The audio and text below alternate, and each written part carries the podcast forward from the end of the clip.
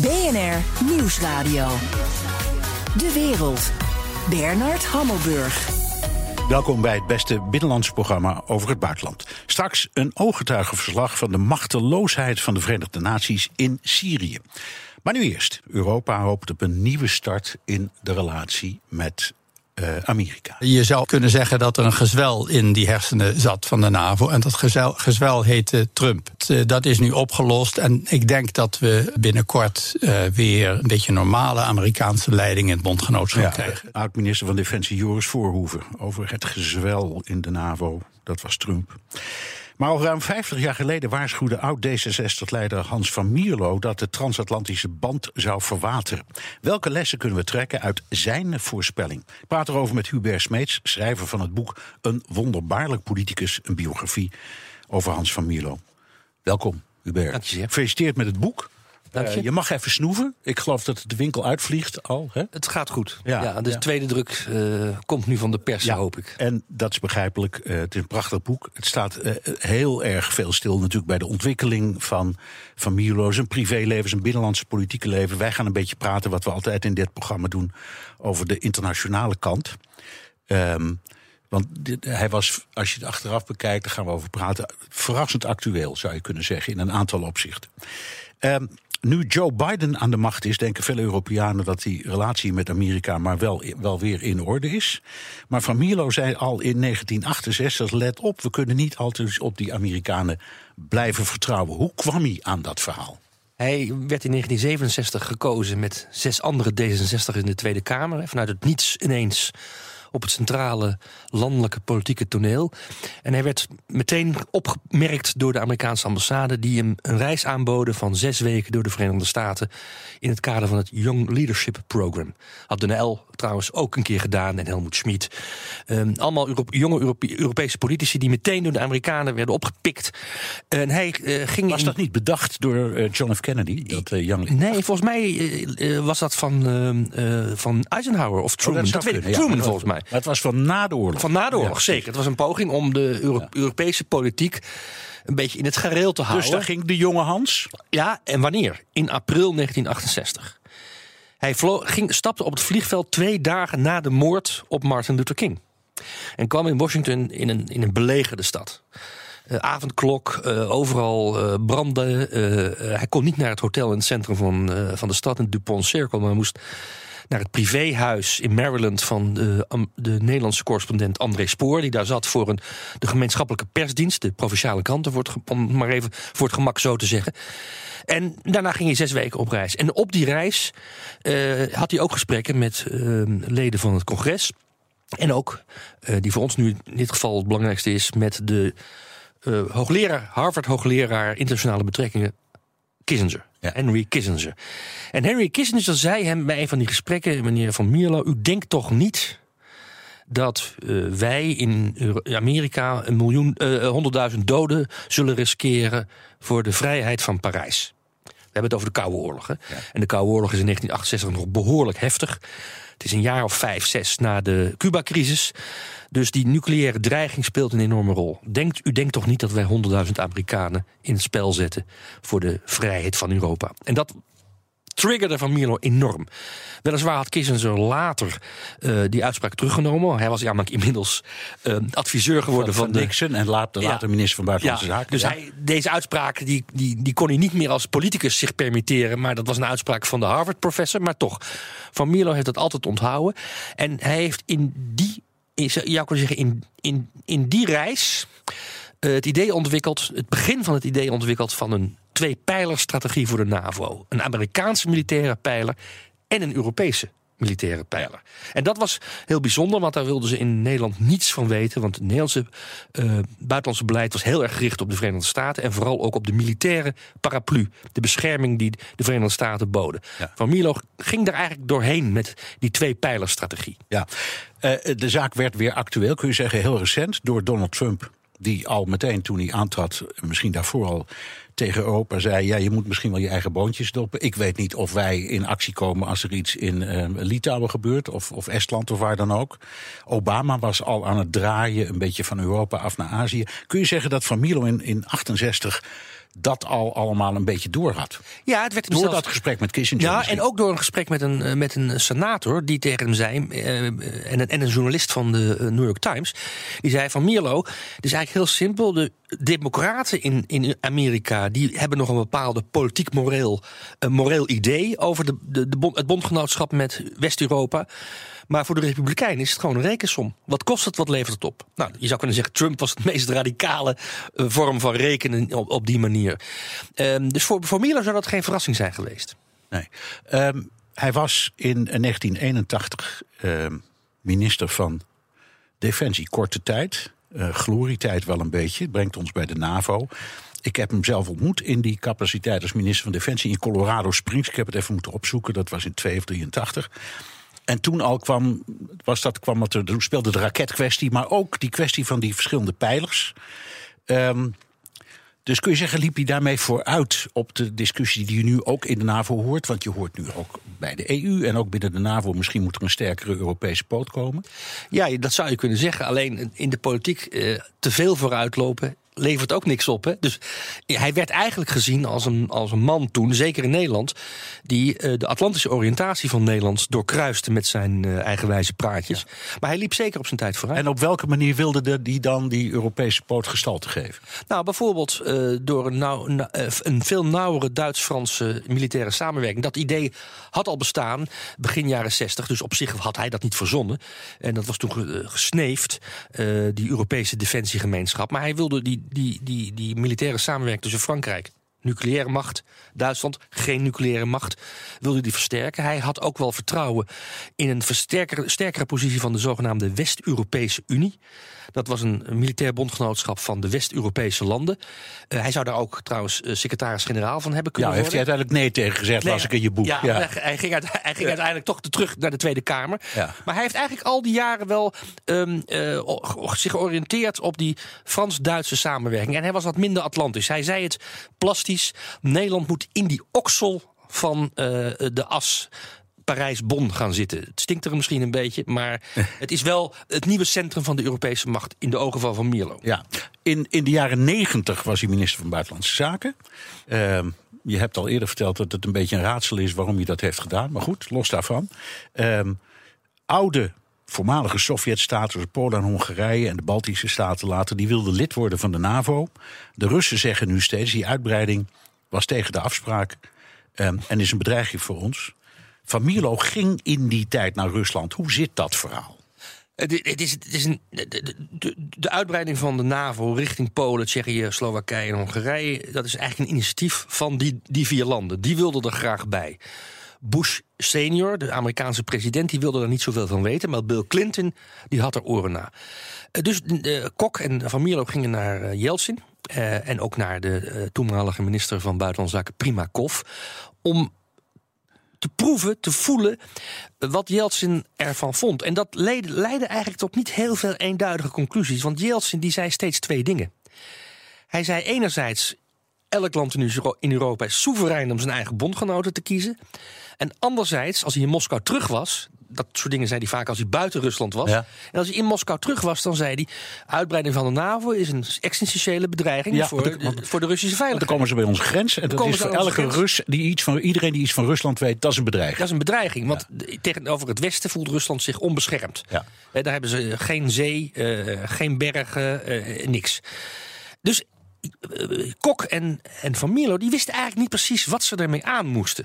En wat ze ook niet begrepen, en wat waarschijnlijk pas ook achteraf duidelijk werd, was dat Jeltsin die twee dingen zei die eigenlijk helemaal niet eh, samenvielen en die soms tegenover, te- eh, in strijd met elkaar waren. Dat zei hij eh, niet omdat hij zelf in verwarring was, maar omdat de binnenlandse politieke situatie, met name de nationalistische en communistische oppositie tegen Yeltsin, eiste van hem een harde lijn tegenover het Westen. Terwijl hij daar zelf helemaal niet voor was. En zijn regering ook niet.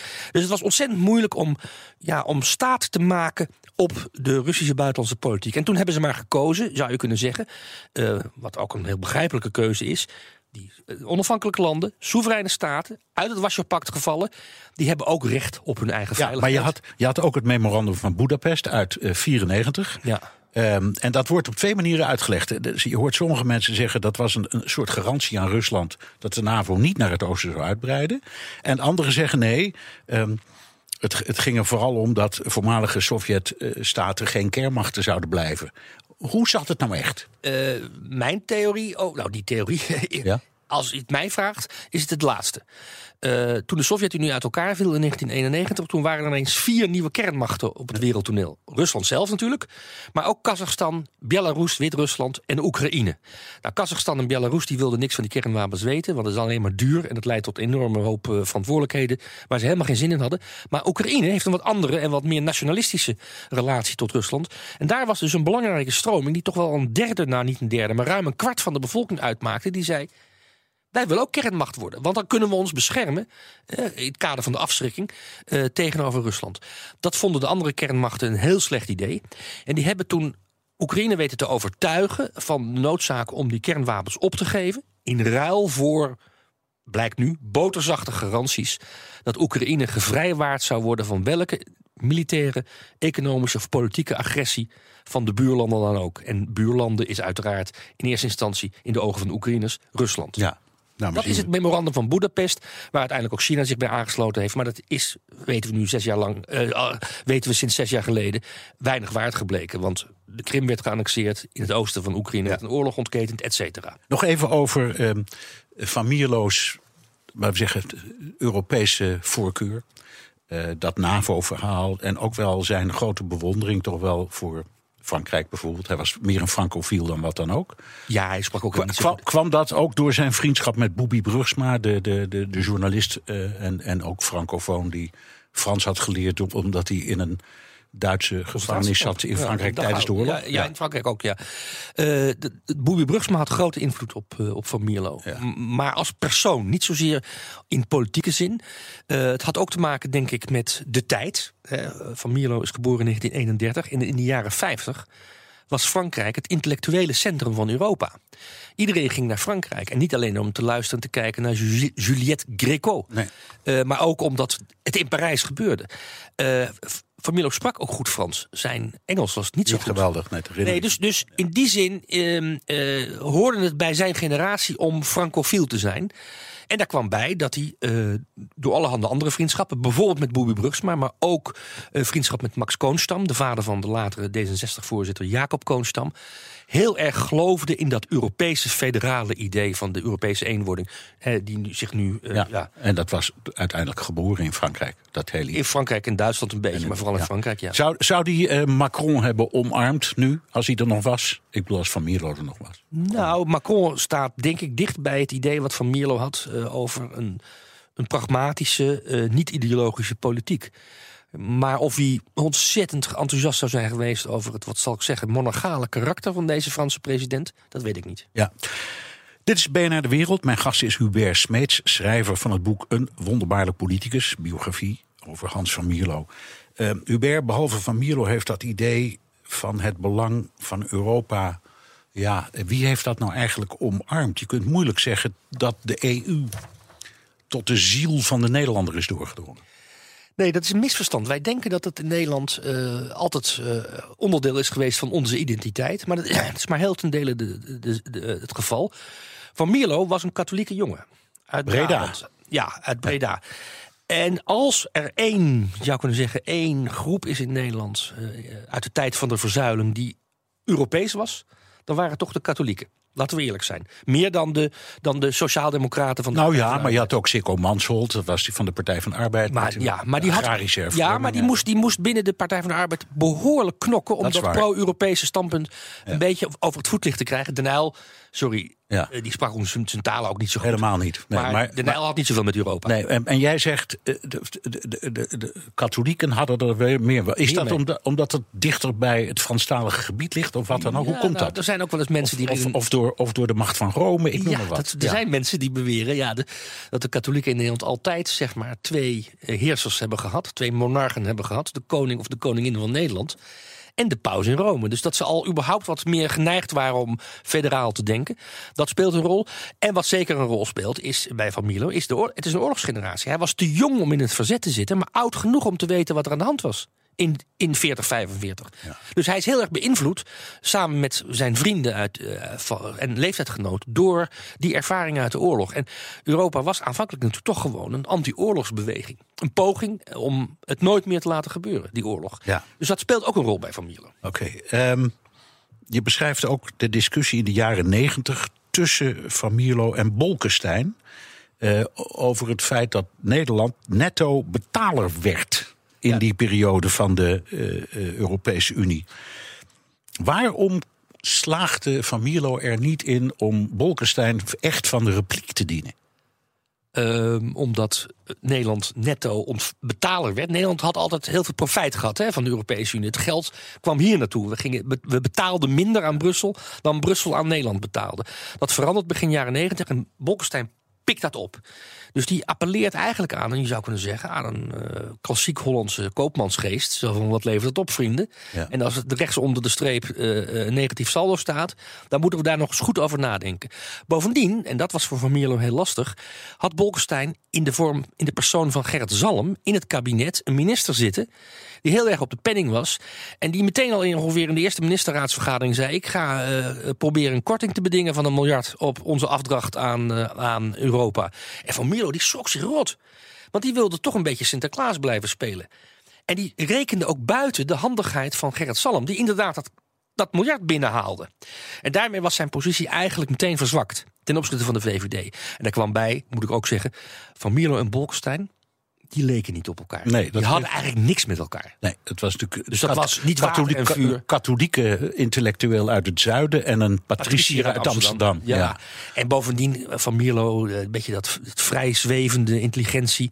En, en Bolkestein toch een beetje, zoals ik het maar zeg, een beetje schoolsintellectueel. Heel precies. Die hadden niks met elkaar. Van Bolkestein vond eh, Van Mierlo een zwamneus. Ja. En, en ehm, Van Mierlo vond Bolkestein een koude kikker. Daar ja. komt het eigenlijk op niet. En zo werkt het wel in de politiek. Hè. Het is niet alleen maar het grote idee en de macht die er is. Het gaat ook om karakters. Nou, die karakters, dat, Nee, die- dat, kon je ook niet. zien. En, en Bolkestein was ook iemand die onmiddellijk het Latijn van een collega verbeterde. als het niet helemaal was zoals het in de boeken stond. Ja, en ook precies wist wat de zwakke, wat, wat de zwakke punten van Van Mierlo was, waren. Hè. Dus hij kon Van Mierlo enorm goed treiteren. En wat waren die zwakke punten? Eh, van Mierlo kon heel slecht tegen kritiek. Dat kunnen veel politici slecht hoor, maar hij ook. Ja, dat herinner ik mezelf. Dat tijdens de interview, ik heb hem heel vaak geïnterviewd. dat hij daar midden in riep: wat is dit voor soort interview? Dat Ja. riep hij gewoon midden in een interview. Ja, ook Ja. omdat hij zich eigenlijk nog steeds journalist voelde. Wat hij, Ja, ja wat ik wilde op. Hij was chef opinie van NRC. dus, maar of. Algemeen Handelsblad. Ja, maar dus van het Algemeen Handelsblad in Amsterdam. Maar heel veel stukken van zijn hand zijn er niet te vinden hoor, in maar, de goed, archieven. maar toch, hij dacht journalistiek. Ja. En als, hij, als hij dan door jou geïnterviewd werd en je stelde een vraag die hem niet beviel, dan, Dan zei hij dat. Wat Ja. is dit voor soort interview? ja, dan gedroeg hij zich als bij wijze van spreken als, als, als, als de chef van de redactie in plaats van als de minister of de politicus. In, de, in zekere zin onprofessioneel. Maar ja, hij werd natuurlijk ook heel erg op handen gedragen door heel veel journalisten. Hè. Dus laten we eerlijk zijn, over aandacht in de media had hij niet te klagen. Nee. nee, maar goed, dat was een mooie man. Het was een aantrekkelijke man. Hij kon, het was een, een, een charismatische man. Valt allemaal niet te ontkennen. Hij kon je meenemen Ja. in, zijn, in zijn denken. Ja. Nou, zijn partij, D66, eh, is een minderheidspartij. Het is gewoon een eeuwige minderheidspartij. Soms doen ze een beetje mee, soms doen ze niet mee. Ehm, Rutte en Hoekstra volgen een harde lijn in Europa. Ehm, het grootste deel van de Tweede Kamer applaudisseert. Wat zegt het over Nederland en wat zegt het over hoe wij naar Europa kijken... en wat zegt het over de positie van D66? Nou, dat zegt hoe dan ook dat Bolkestein, die begin jaren negentig begon met die licht eurosceptische lijn, Die heeft gewonnen. heeft. Ja. Eh, eh, we hebben daarna twee referenda gehad in Nederland. Twee referenda in de geschiedenis. Die gingen allebei indirect of direct over Europa. Ja. En allebei de keren zei de meerderheid van de opkomende eh, burgerij nee. Eerst tegen het Europese grondwet en daarna met, tegen het associatieverdrag met Oekraïne. Dat zegt dus eigenlijk dat Nederland veel minder pro-Europees is geworden de laatste 25 jaar. eh, dan de grondleggers van de Europese Unie in 1956 En heeft dat, nu, kunnen vermoeden. heeft dat nu alleen maar te maken over wat je vertelde over Bolkestein en Zalm... en het feit dat het ons geld kost? Nee, het heeft ook te maken met het feit dat wij ons in die Europese Unie van zes lidstaten lekker veilig voelden. Daar waren we ook belangrijk. En daarna werden we nog een tijdje lang waren we de grootste van de kleintjes. Maar ja, ik wil niet vervelend zijn. In, Roemenië wonen meer mensen dan in Nederland. Dus Roemenië heeft meer stemmen. Ja. Zo simpel is het. Ja. Polen wonen bijna twee keer meer. Wat zeg ik? Daar wonen twee keer meer mensen dan in Nederland. Ja. Belangrijker geworden. En wij in Nederland zijn eigenlijk helemaal niet gericht op Midden-Europa. Anders dan Duitsland. We hebben geen idee wat daar speelt. Eh, ja, Dus Europa voor ons betekent eigenlijk West-Europa. ja, Dat, zo zien wij Europa. Maar de En Europese zag Van Unie is- Mierlo het ook zo? Nee, van Mierlo zeker niet. Hij, eh, hij is op een gegeven moment in 1988, als ik het goed heb, eh, loopt hij rond in Budapest. En die ziet daar in de Matthias-kathedraal, daar in Boeddha, daarboven op de prachtig. berg. En dan barst hij in huilen uit, omdat hij het gevoel heeft dat hij ineens in het hart van de Europese cultuur zit. Dan was hij snel geëmotioneerd door dit soort dingen. Maar dat gebeurde in Hongarije. Dus Van Mierlo zag het zeker niet zo. Maar Van Mierlo werd door de goede gemeente in Nederland niet gezien als een ziener, maar als een idealist in het gunstigste geval. Ja, en ook iemand waarvan ik me nog precies herinner dat eh, een van zijn eigen medewerkers tegen mij zei bij een interview: Je moet even uitkijken, want hij formuleert al denkend.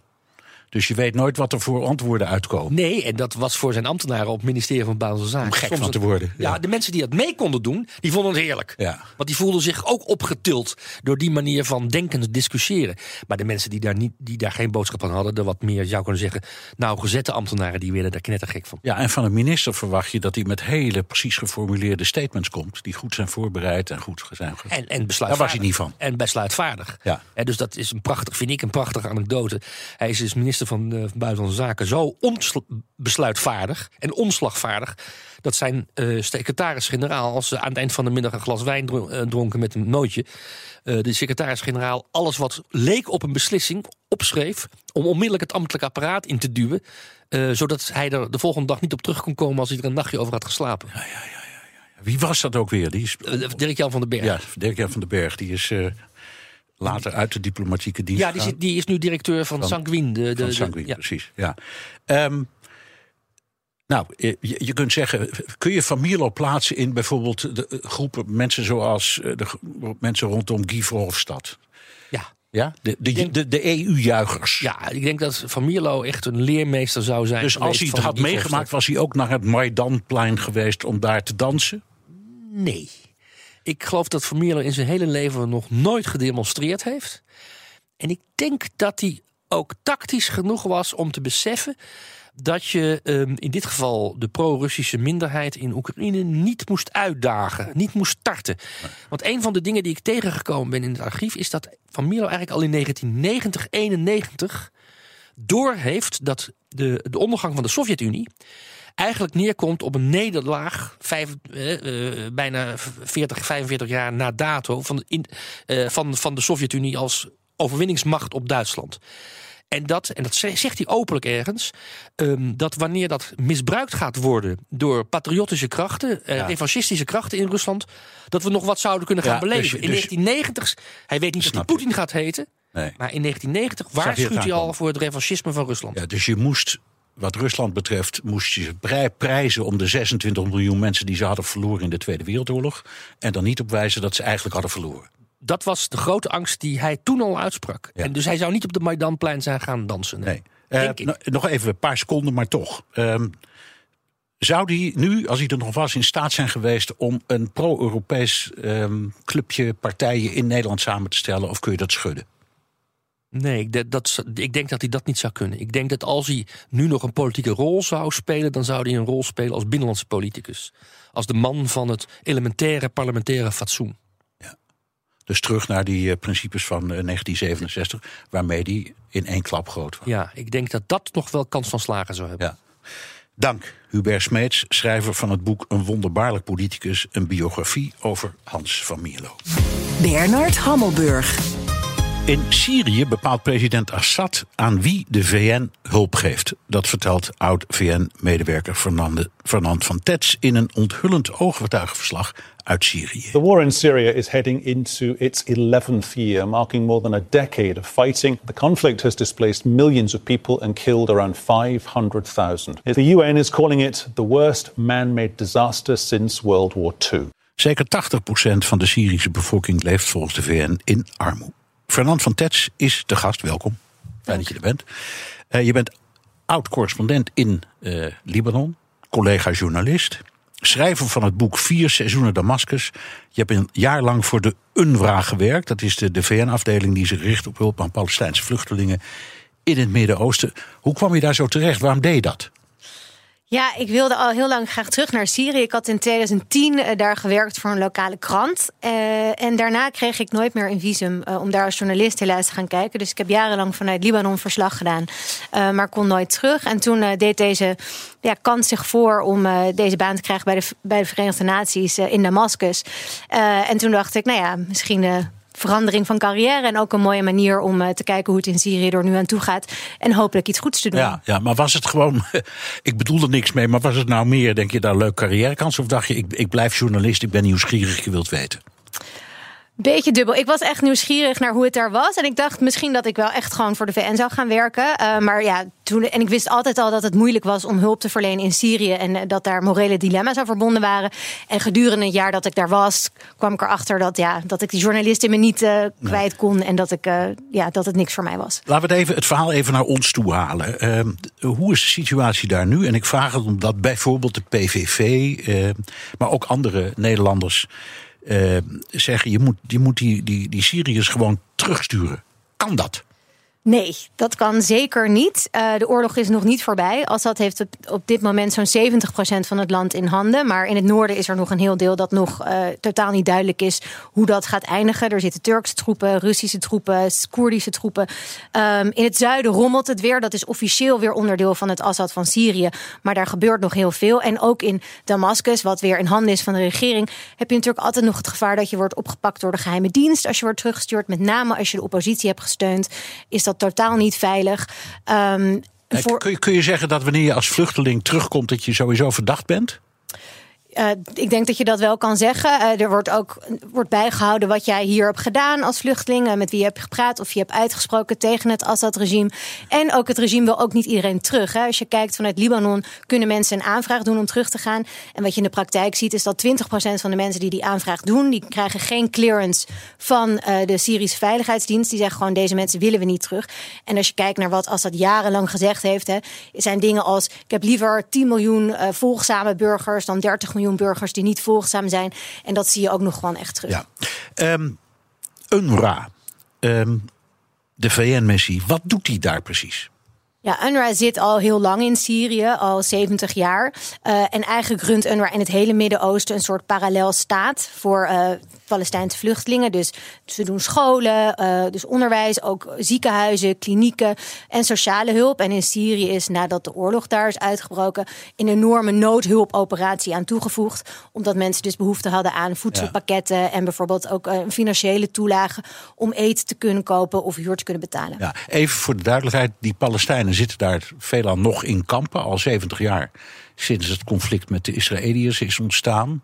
Hoe komt het dat ze al die jaren daar nog steeds in kampen zitten? Ja, ik denk dat we even, als je het woord kamp hoort, dan denk nou ja, je aan tentjes. Ik weet dat zijn vaak dorpen uh, of Dat zijn enorme steden ja. uh, met uh, maar, enorme maar, flatgebouwen waar ja. alsmaar weer een etage bij wordt gebouwd als er iemand trouwt. Oké, okay, maar los van het woord. Ze worden apart gehouden, ze krijgen vaak geen burgerrechten, ze kunnen geen baan krijgen, ze krijgen. Er zijn allerlei dingen die ze niet krijgen. Ze worden apart gehouden. Waarom? Ja, omdat toch ook die mythe in stand wordt gehouden dat ze hopelijk een keer terug kunnen. In Syrië, moet ik erbij zeggen, hebben ze het beter, uh, meer rechten dan in elk ander land in de, in de regio. Ze mogen eigenlijk bijna alles. Ze mogen alleen maar één huis hebben en ze mogen niet stemmen in verkiezingen. Nou ja, jij weet ook, verkiezingen in Syrië, dat is maakt een farce. Dus dat maakt niet uit. Nee. Oké, okay, um, je werkt dus voor een organisatie die hulp geeft aan Palestijnen in hun dorpen, hoe je het wil noemen. Flatgebouwen, kampen. De, de definitie is even niet zo belangrijk. Ja. Maar je beschrijft in, in, in je boek hoe lokale partners, die dus door Assad zijn aangewezen, bepalen wie de hulp krijgt. En, en na afloop controleren of dat is aangekomen. Hoe werkt dat dan? Ja, dus UNRWA zit er al heel lang. En dat is een, echt een uitvoerende organisatie. Dus wij geven zelf wat we, wat we uitdelen. Maar eigenlijk alle andere VN-agentschappen werken samen met lokale partners. En die komen van een lijst die is goedgekeurd door de veiligheidsdiensten. En daar zitten ook NGO's bij bijvoorbeeld... die zijn opgericht door de vrouw van de president. Um, en dat wordt dan gecoördineerd door het internationale, door de Rode Halve Maan. Wat ook weer een hele goede organisatie is, maar het hoofd daarvan is een grote vriend van de president.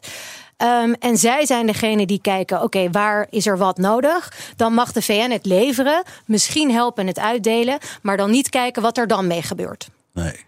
En dat wordt dus bepaald door uh, uh, Assad en zijn familie en zijn vrienden en zijn uh, companen. Um, kun je dan een voorbeeld geven van goederen die bijvoorbeeld nou, die komen. En de, wat Assad dan doet om die te blokkeren. Als je denkt, die moeten naar die en die groep. Hoe blokkeert hij dat dan? Wat doet hij dan? Ja, dus je zit eigenlijk, het is, alles wordt enorm gemicromanaged vanuit Damascus. En je moet voor alles een enorme berg papierwerk hebben. Dus zelfs als ik naar een kliniek wil gaan die gerund wordt door UNRWA, moet ik weken van tevoren papierwerk indienen met alle auto's en alles. Dus hoe, dus het wordt heel moeilijk gemaakt om ergens te komen. Je bent daar op uitnodiging van de Syrische regering. Die zijn verantwoordelijk voor je veiligheid. Dus is het heel makkelijk om op elk moment te zeggen: Oh ja, maar dat gebied dat is niet veilig. Dus als er een gebied belegerd wordt, wat Assad heeft gedaan, hij heeft gebieden heel lang belegerd, uitgehongerd. En dan zei de VN: We willen konvooien sturen met eten. Uh, dan werd er gewoon gezegd: Oh ja, maar nee, dat is te gevaarlijk. Dat kan niet. Dus de regering Assad zegt: Als jullie bepalen je bepaalden, want je bent daar nu niet meer. Die en die groep in die en die plek, die moet dringend hulp hebben. En hij zei, dat is te gevaarlijk, dan kregen die mensen het niet. Ja, dan krijg je geen toestemming om langs de controleposten te komen. Wat betekent dat je gewoon ja, de poort niet uitkomt, nee, ineffectief. En, en, wie krijgen het dan wel? Want uiteindelijk, dit verhaal zegt met zoveel woorden: Assad maakt uit wie de hulp krijgt. Ja, die, die speelt daar zeker een grote rol in. Ik, ik zeg daar wel altijd bij. Hè, ook heel veel hulp komt echt wel terecht bij de mensen die het nodig hebben. Want ja, je, je zei het zelf al. Hè, 80% in armoede, het is inmiddels bijna 90%. Dus iedereen heeft die hulp hard nodig. Maar wat blijkt is dat ja, er wordt wel. Uh, als jij zegt, oké, er hebben twee gebieden hulp nodig. Dit is een gebied dat net belegerd is en uitgebombardeerd. En daarnaast is een gebied waar dat niet zo is. En uh, dan denk je, nou ja, dat gebied dat belegerd en, en ja, gebombardeerd is, heeft meer hulp nodig dan het gebied waar dat niet het geval is, dan kan er gezegd worden: nou nee, wij, wij vinden eigenlijk dat het gebied daarnaast meer hulp nodig heeft. En dan is het ja, keihard onderhandelen om te kijken ja, hoe je eruit komt dat allebei toch wat kunnen krijgen. Ja, maar dat betekent dat je voor enorme gewetensproblemen komt, neem ik aan. Omdat je weet dat je, als je. Ik hou, ik hou het even heel simpel, hè. De vriendjes wel uh, dingen toestopt en de, zijn vijanden niet. Dat je meedoet aan zijn frame. Ja. Ja, en, en daar dus ook aan meewerkt, kun je wel zeggen: nou ja, elk leven dat ik red, red ik. Dat is een beetje je stelling, ook, ook in het boek. Maar toch, dat is iets vreselijks. Ja, het is iets heel ergs, maar ik, ik, ja, ik spreek ook wel van Stockholm-syndroom van hulpverleners die daar zijn. Uh, want je komt daar aan en je ziet dit gebeuren en je hoort eraf en je denkt, ja, maar dit klopt niet. Dit is niet hoe hulp hoort te werken. Maar ja, elke dag ontmoet je mensen die zo dankbaar zijn voor dat voedselpakket. En iedereen zegt, ja, maar als we te veel, hè, als we als we hier niet aan meedoen, dan krijgt niemand hulp. En dan zitten al deze mensen zonder eten, uh, zonder matrassen, zonder dingen. Is dat dan beter? Dus ik denk ook, het is heel principieel, heel makkelijk om principieel te zijn als je daar niet bent. En zodra je daar bent, word je een soort van meegezogen in die wereld van hoe kunnen we zoveel mogelijk hulp ergens naartoe brengen. En ja, en ik kwam daar zelf ook gewoon in gewetensnood, omdat ik dingen zag die ik niet door de beugel vond kunnen. Dan bij mijn baas erop aandrong van, kunnen we hier niet iets van zeggen? En dat hij dan zei, oké, maar denk even over na wat voor consequenties dat heeft. Noem eens een voorbeeld, want je zegt, ik kwam bij mijn baas met een verhaal. Wat voor verhaal? Nou, dus er was een, een kamp wat in feite een enorme wijk is. Eh, dat heet Jarmouk, dat is vlak bij de hoofdstad. Dat werd enorm gebombardeerd in de tijd dat ik daar was. Dat was toen bevrijd, zoals ze dat noemen in Syrië. Dus het was weer in handen van de regering. Uh, en toen we daar gingen kijken, toen bleek dat er enorm geplunderd werd. En dat was een proces van weken, maanden. Door wie? Door de, door, van... door de milities die horen bij het Assad-regime. Dus uh, dat gaat om in eerste instantie om gewoon echt kleren, ijskasten. Ik was daar, toen zag ik uh, soldaten met een bank achterop een motorfiets. Uh, maanden later zag ik, dat, toen werden de, alle tegels gejat, toen alle uh, raamkozijnen. En toen later zag ik mensen echt door het puin op zoek naar kilo's plastic en metaal dat verkocht werd op weegschalen aan militairen. Dat heb ik gewoon met mijn eigen ogen gezien. En toen kwam ik bij mijn baas, vertelde ik al dit soort dingen. En toen zei ik, ja, het ziet er niet. Toen zei hij, goh, het klinkt echt vreselijk. Klinkt niet alsof mensen hier ooit naar terug kunnen. Toen zei ik, nee, inderdaad, dat zeg ik al een tijd. Kunnen we er niet wat mee doen? Maar ja, dan zei hij, ja, ik, ik hoor je. En uh, ik was vroeger ook zo idealistisch. Maar ja, hè, we geven ook hulp aan mensen in de wijk daarna... die gevlucht zijn uit deze wijk. En uh, als ik hier uh, hè, bij de gouverneur hiermee aankom... wat gebeurt er dan? Kunnen we dan die hulp nog blijven verschaffen? En dat is ook, ik zat niet op een niveau dat ik dat mocht bepalen. En als je het wel had mogen bepalen, wat had je gedaan?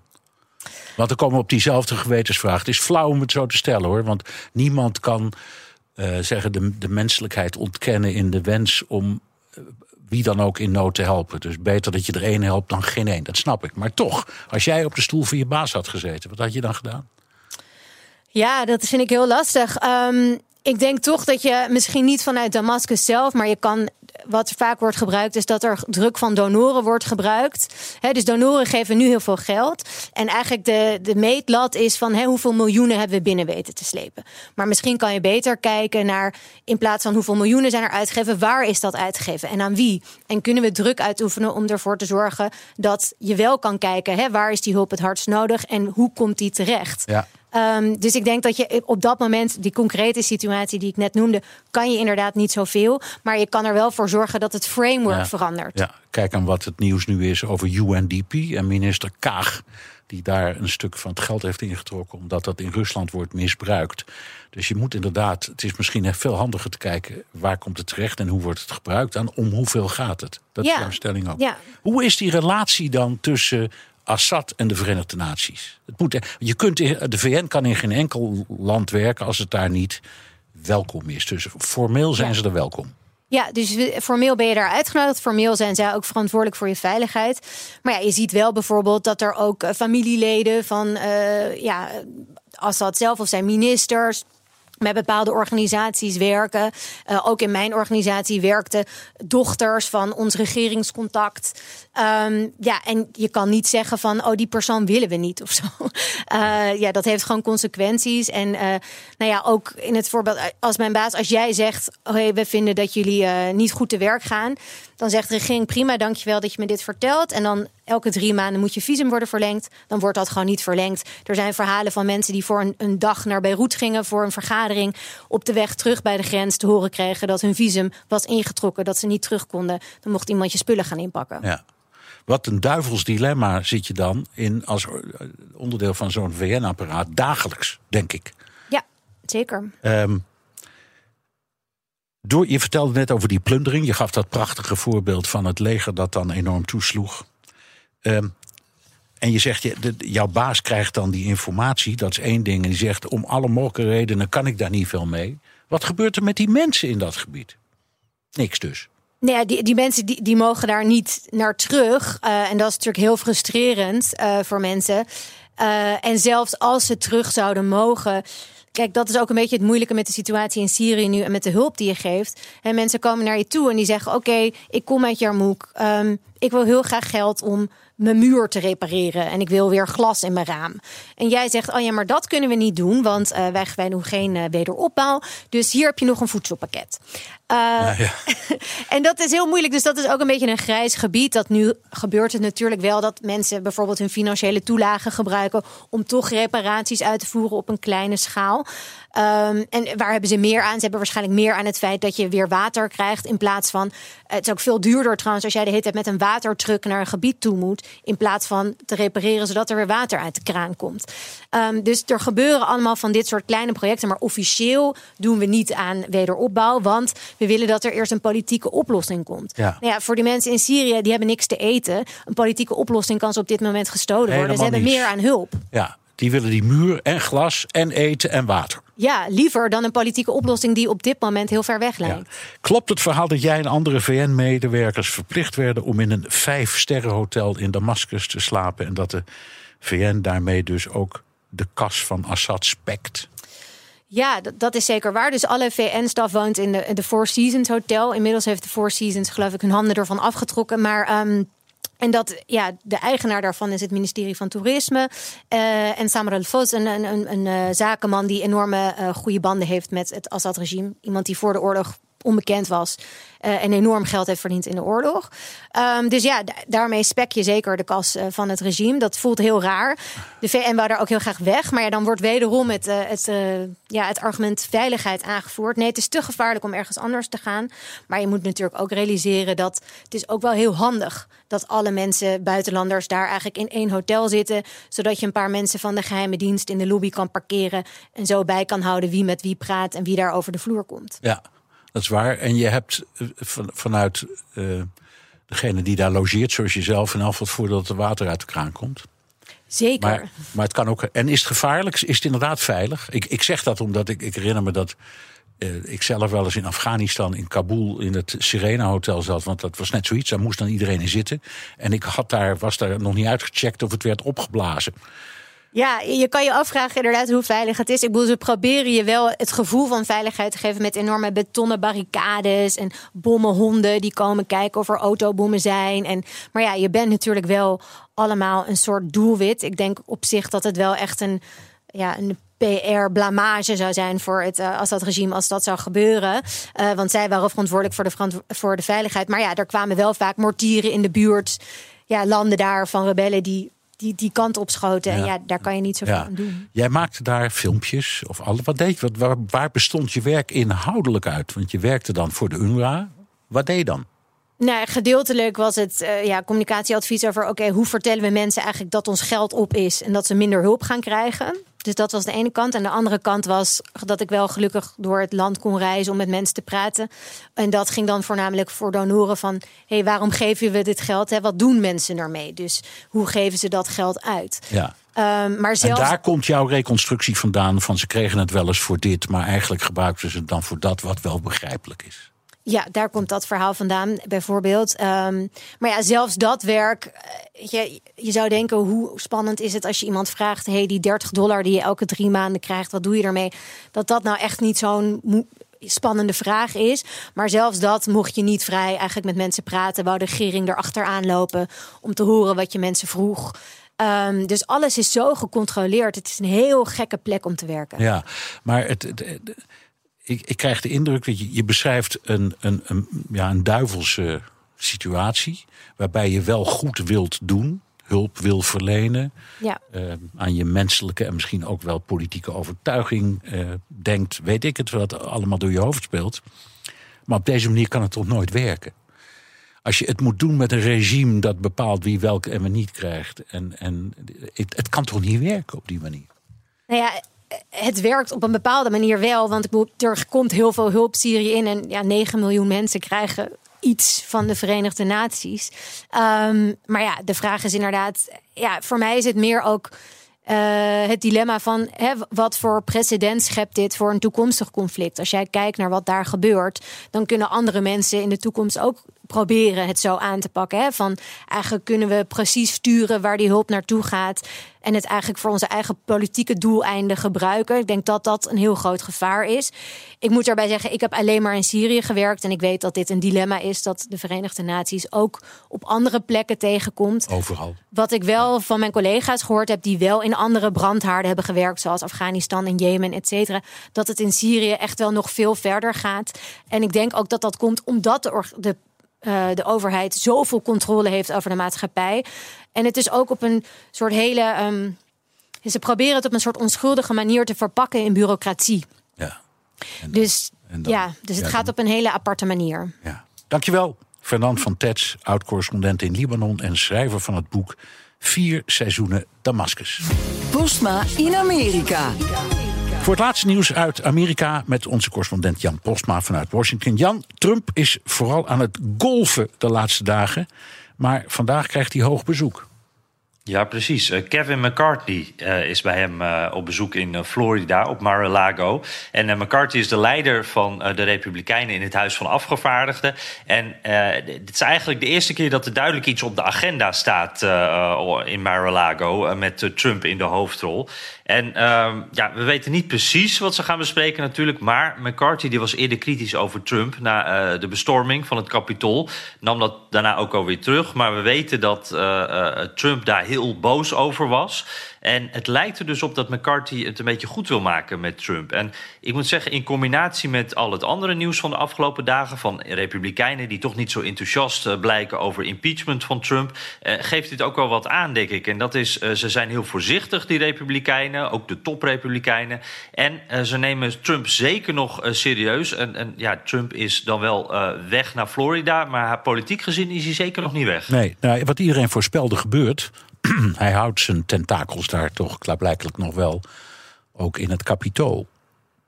Ja, precies. En, en, en dat heeft natuurlijk alles met die achterban van hem te maken. Ja. Hij is gewoon nog steeds heel populair bij, bij, bij zijn eigen achterban. En die Republikeinen zien dat. Die, die hebben allemaal in hun kiesdistrict ook allemaal Trump-supporters wonen. Dus die denken, wacht eventjes, ik moet eh, oppassen voor die man. Ja, Kevin McCarthy is er één. En dan hebben we nog een andere, een beetje berucht Republikeins congreslid Marjorie Taylor Greene. Eh, die, die valt van de ene rel in de andere. Ja, dat kan je wel zeggen. Zij, uh, zij is, de, was meteen al uh, berucht voor, voordat ze gekozen werd. Ze is een QAnon-aanhanger.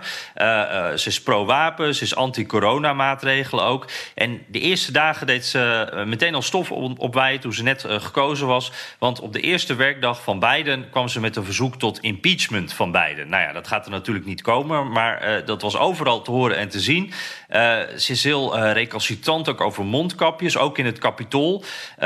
Dus daar is nog wel eens ruzie over met, uh, met haar uh, vooral democratische collega's. Nou, een heel bijzonder mens, zullen we maar zeggen. En ja, Amerikaanse media die zijn daar nu wat aan het doorpluizen. Aan het kijken hoe dat nou zit met haar oude social media posts. En in de twee jaar voordat zij gekozen werd... lijkten ze verschillende posts waarin gesuggereerd werd... dat Hillary Clinton, Nancy Pelosi... dat die ja, geëxecuteerd moeten worden. ook is er een vi video waarin ze een, een overlever van, van de Parkland shooting achtervolgt. Dat is die schietpartij over die middelbare school in Florida. Ja. Ze, ze, roept hem van alles na. Dus um, ja, ook, ook hele bizarre uh, QAnon-verhalen. Ja, maar ze is, ik, die ze dan lijkt. Ik kijk net ja. even naar, ik geloof, Fox News. En toen zag ik dat die vrouw wel met, ik meen, driekwart van de stemmen in haar eigen district is gekozen. Dus de, ja.